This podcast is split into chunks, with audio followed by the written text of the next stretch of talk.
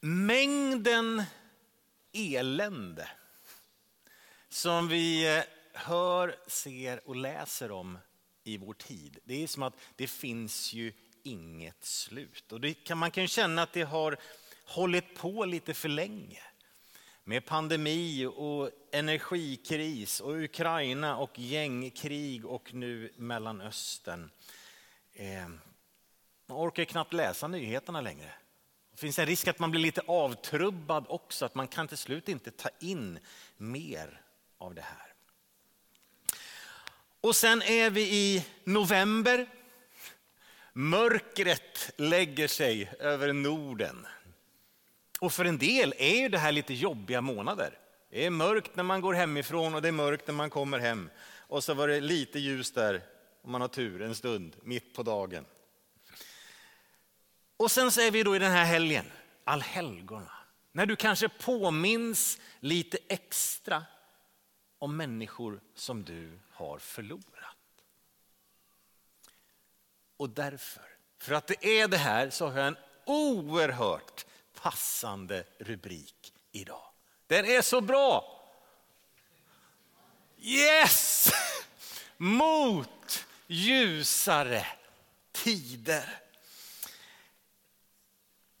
I tron på Jesus i Nya Testamentet så läser vi ganska mycket om ett perspektiv på tron som jag tror att vi har med lite för lite.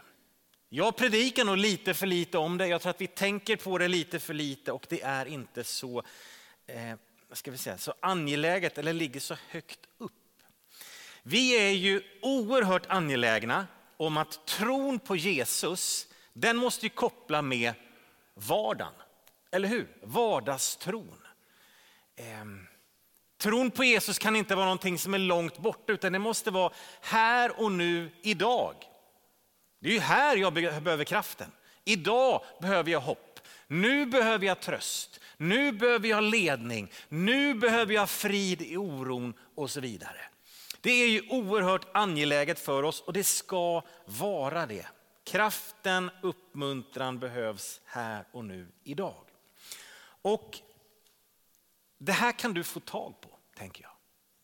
Att vinsten med Jesus idag, den är oerhört stor. Vinsten, det finns en vinst liksom att leva med Jesus här och nu idag. Att du får allt, det finns tillgängligt allt det här goda. Men som sagt, inte sällan i Nya Testamentet så lyfts ett annat perspektiv, eller ett till perspektiv.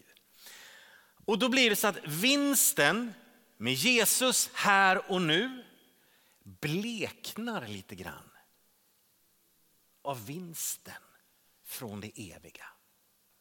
Vinsten med Jesus här och nu bleknar faktiskt lite grann när vi tänker på liksom ljuset av den eviga vinsten. Och det är lite grann som eh, Alice inne på med kaffet. Jag vet ju en del som bara dricker Neskaffe, stackars människor. Men det finns ju annat kaffe. Alltså, det, det är en vinst här att leva med tron på Jesus. Men det finns en så mycket större vinst. Någonting så mycket större och vackrare. Paulus, eh, han skriver så här i första Korinthierbrevet 15. Om det bara är för detta livet vi har vårt hopp till Kristus, då är vi de ömkligaste av alla människor. Det var ord och inga visor. Hela första Korinthierbrevet 15 handlar egentligen om Eh, Jesu uppståndelse från de döda och det eviga livet tillsammans med honom. Och så säger han här att om det bara är för det här livet som vi har satt vårt hopp till honom, då är vi de ömkligaste av alla människor.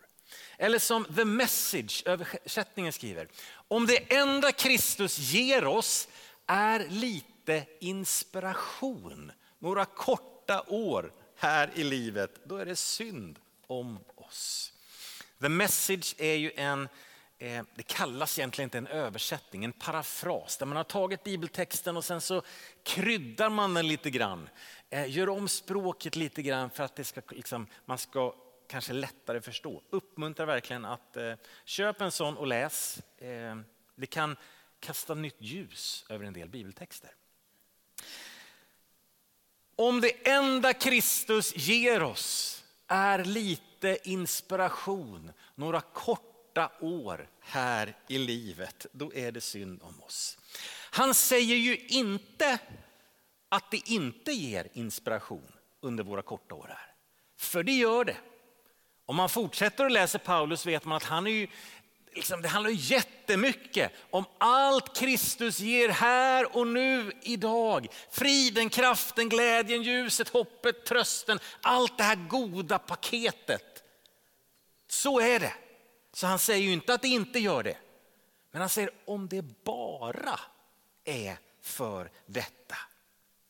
Om det är det enda du har Kristus för, då missar du ju espresson i slutet. Då missar du ju det stora, det godaste.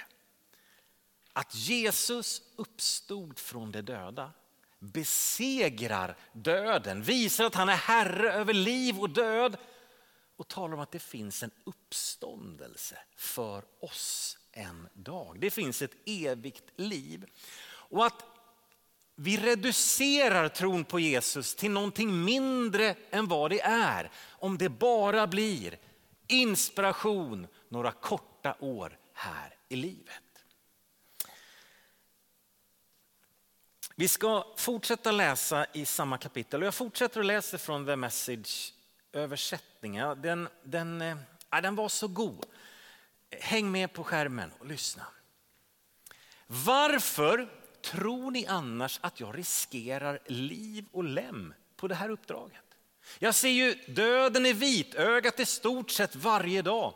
Skulle jag göra det om jag inte var övertygad om att er och min uppståndelse garanterades av den uppståndne Messias Jesus.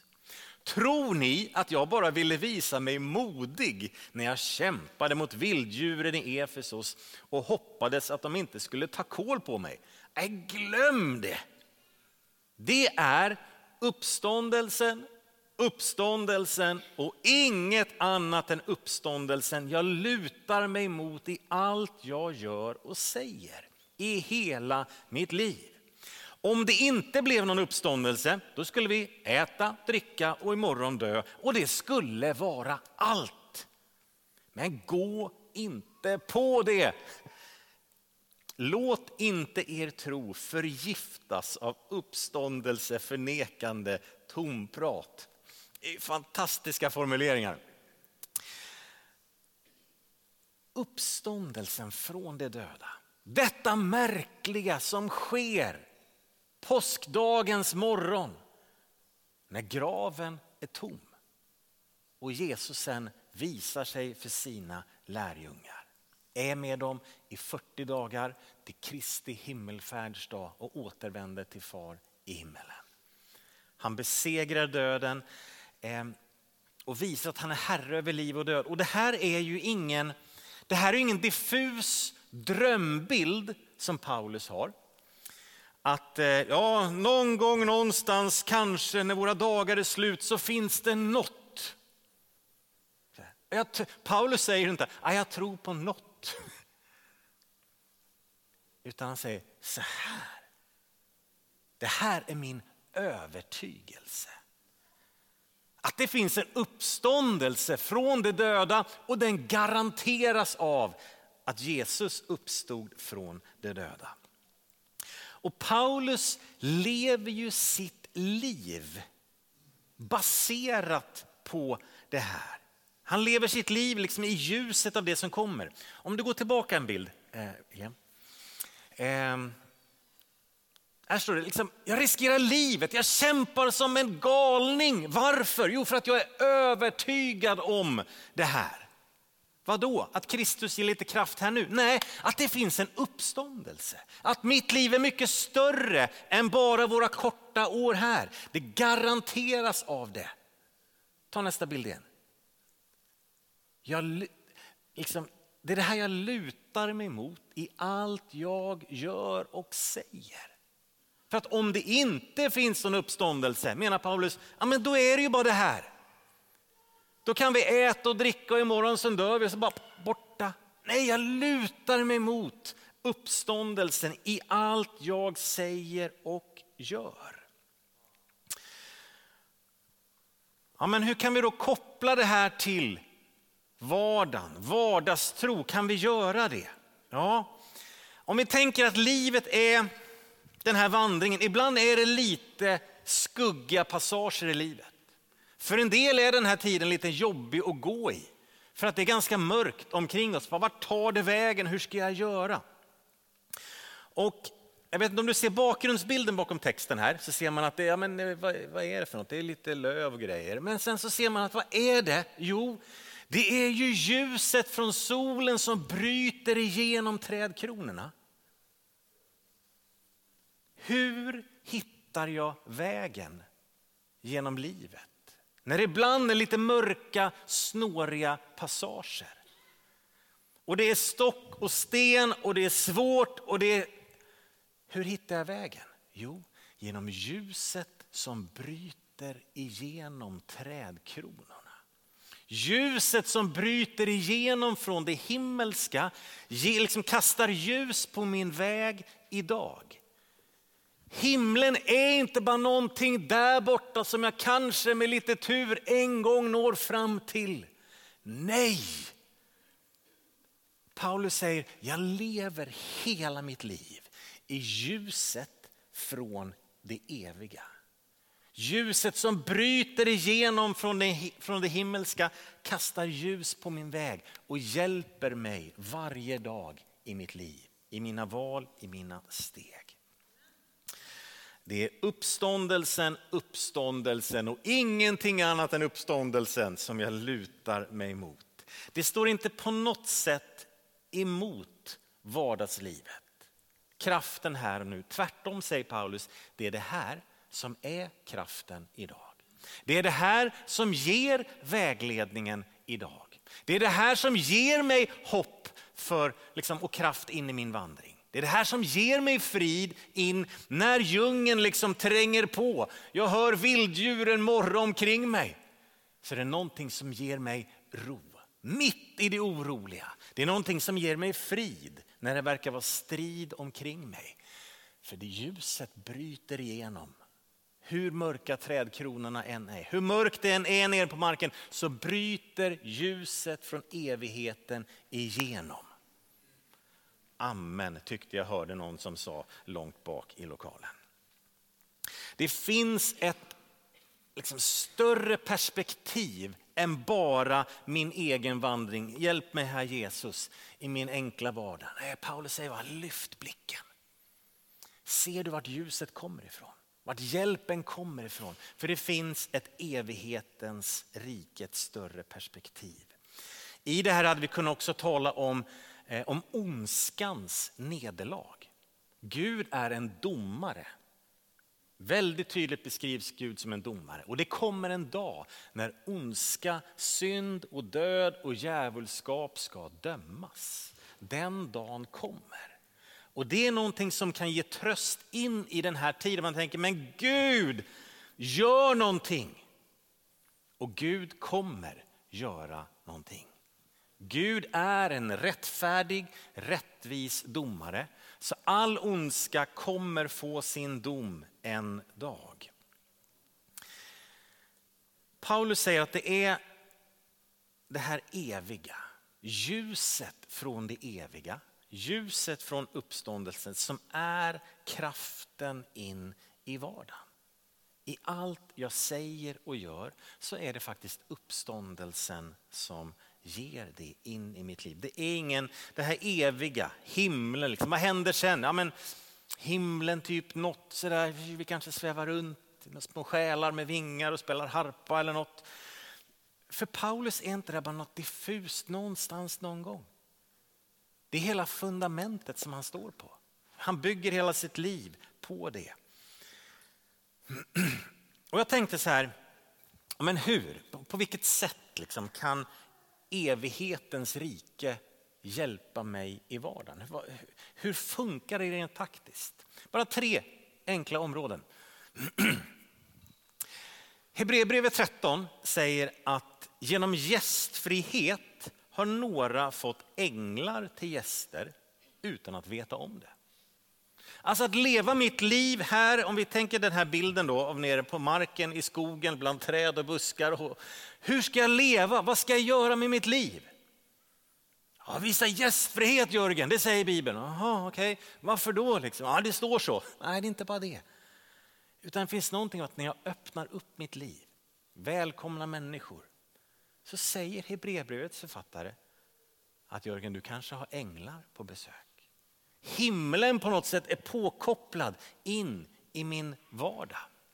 När det kommer till givande, hur hanterar jag mina ägodelar? Mina pengar, mina prylar, allt det som jag tror, inbillar mig är mitt. Och som Gud säger, nej Jörgen, faktiskt det är mitt. Du kan få låna det ett tag, några korta år här på jorden. Hur ska jag hantera det? Hur ska jag se på det? Jesus säger, samla inte skatter här nere i skogen.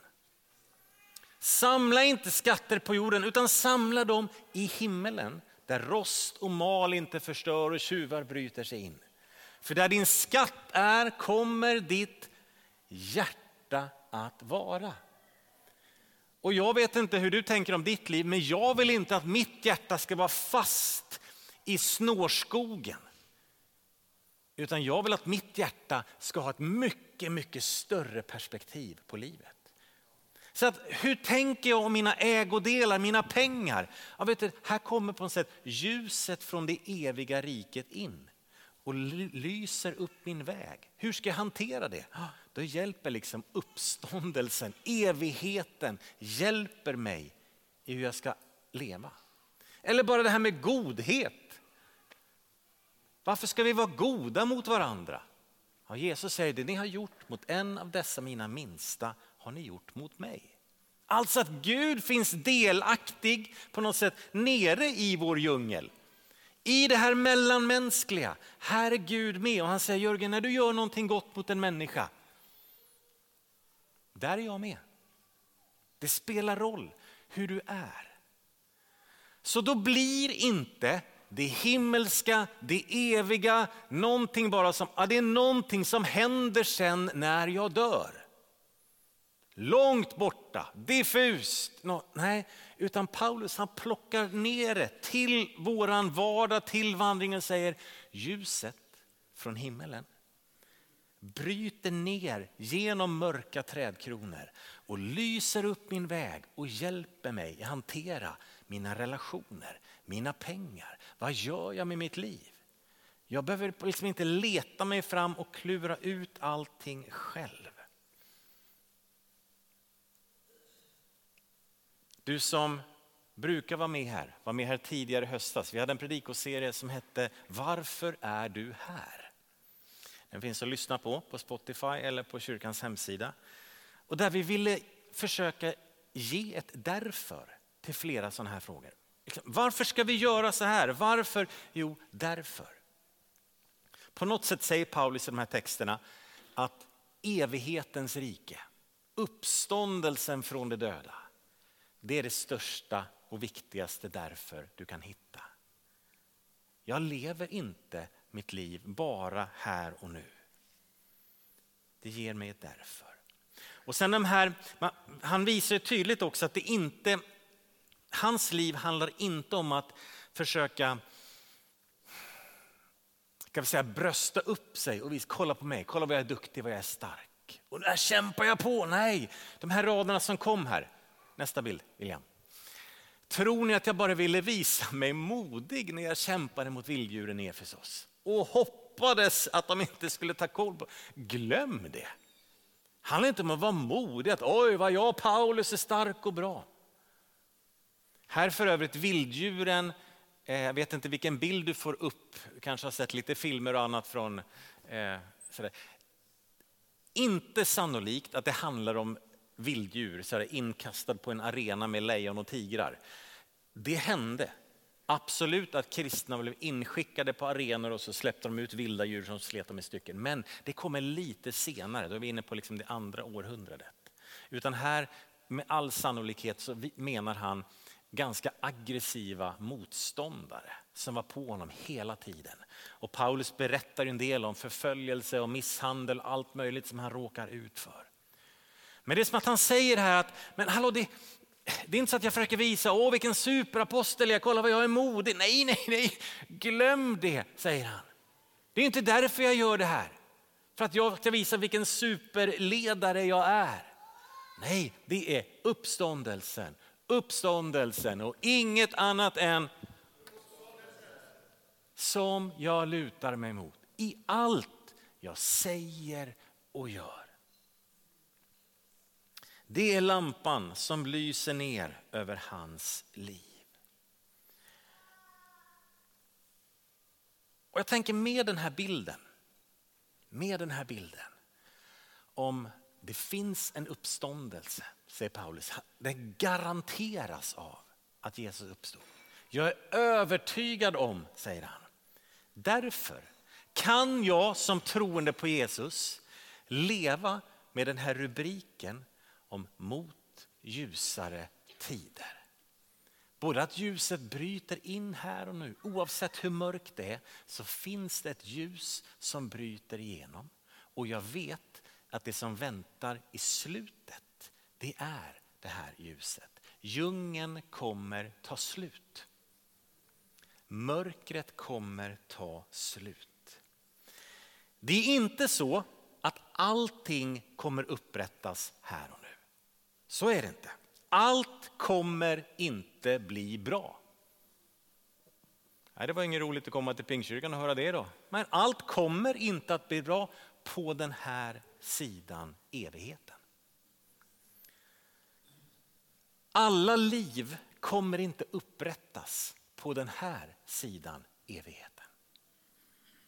Men det finns en seger i slutet. Det finns ett helande i slutet.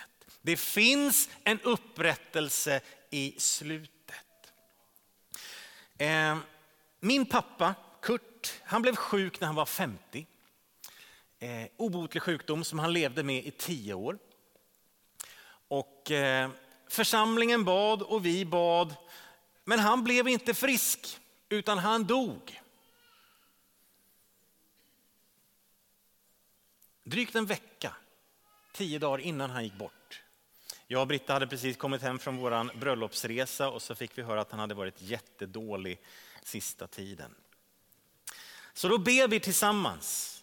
Och när vi ber så ser jag på något sätt i mitt inre så ser jag Jesus och min pappa springa mot varandra och omfamna varandra och liksom dansa runt med varandra. Vet, min pappa han hade varit sängliggande i stort sett sista året på sjukhuset. Han hade inte sprungit på väldigt, väldigt länge. Men där när vi bad så kommer den här bilden. Och sista tio dagarna så bad jag inte längre att pappa skulle bli frisk. För att jag visste, okej, okay, nu är skogen snart slut. Han är på väg hem och där väntar ett helande. Kom helandet? Ja men det gjorde det. Men inte på den här sidan evighetens dörr. Det finns en seger i slutet. Det finns ett helande i slutet. Det finns en evighet som kan påverka allt vi gör och säger och lever för. Som påverkar mina beslut, mina relationer, hur jag hanterar mina pengar och ägodelar. Det är uppståndelsen, uppståndelsen och inget annat än som leder mig i det jag gör och säger. Lukas, vill du komma fram och sätta dig där?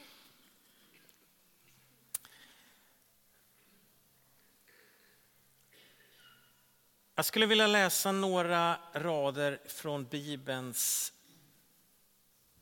sista bok. Ehm, du kan antingen läsa eller så sluter du bara dina ögon och sen försöker du se den här bilden framför dig. För Johannes han får se märkliga saker som absolut har med sin tid att göra. Men det är som att han också får se saker som har med evighetens värld att göra. Lyssna, se det framför dig.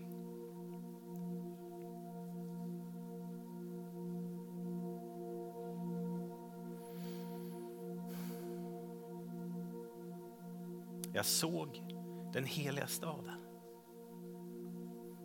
Det nya Jerusalem kommer ner från himlen, från Gud. Redo som en brud som är smyckad för sin man.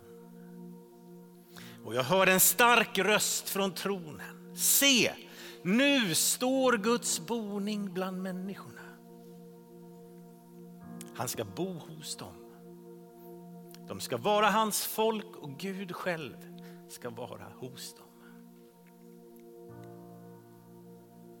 Och han, han ska torka alla tårar från deras ögon.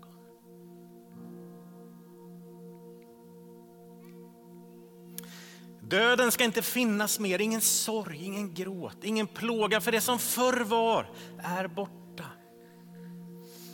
Och han som satt på tronen sa, se, jag gör allting nytt. Och han sa, skriv, för dessa ord är trovärdiga och sanna. Sen sa han till mig, det har skett, jag är A och O, begynnelsen och änden. Och åt den som törstar ska jag fritt ge ur källan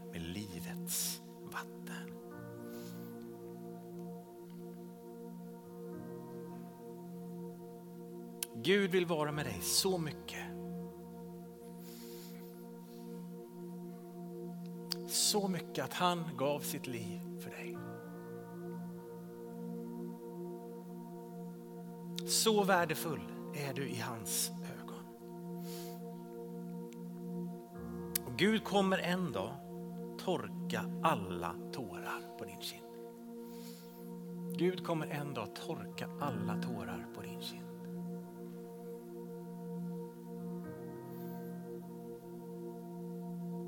Och redan nu bjuds vi in till gemenskap med honom. Vi bjuds in att dricka av källan med levande vatten. Redan nu bjuds vi in till detta hopp. Att leva våra dagar här, vandringen här som ibland är svår, snårig och mörk.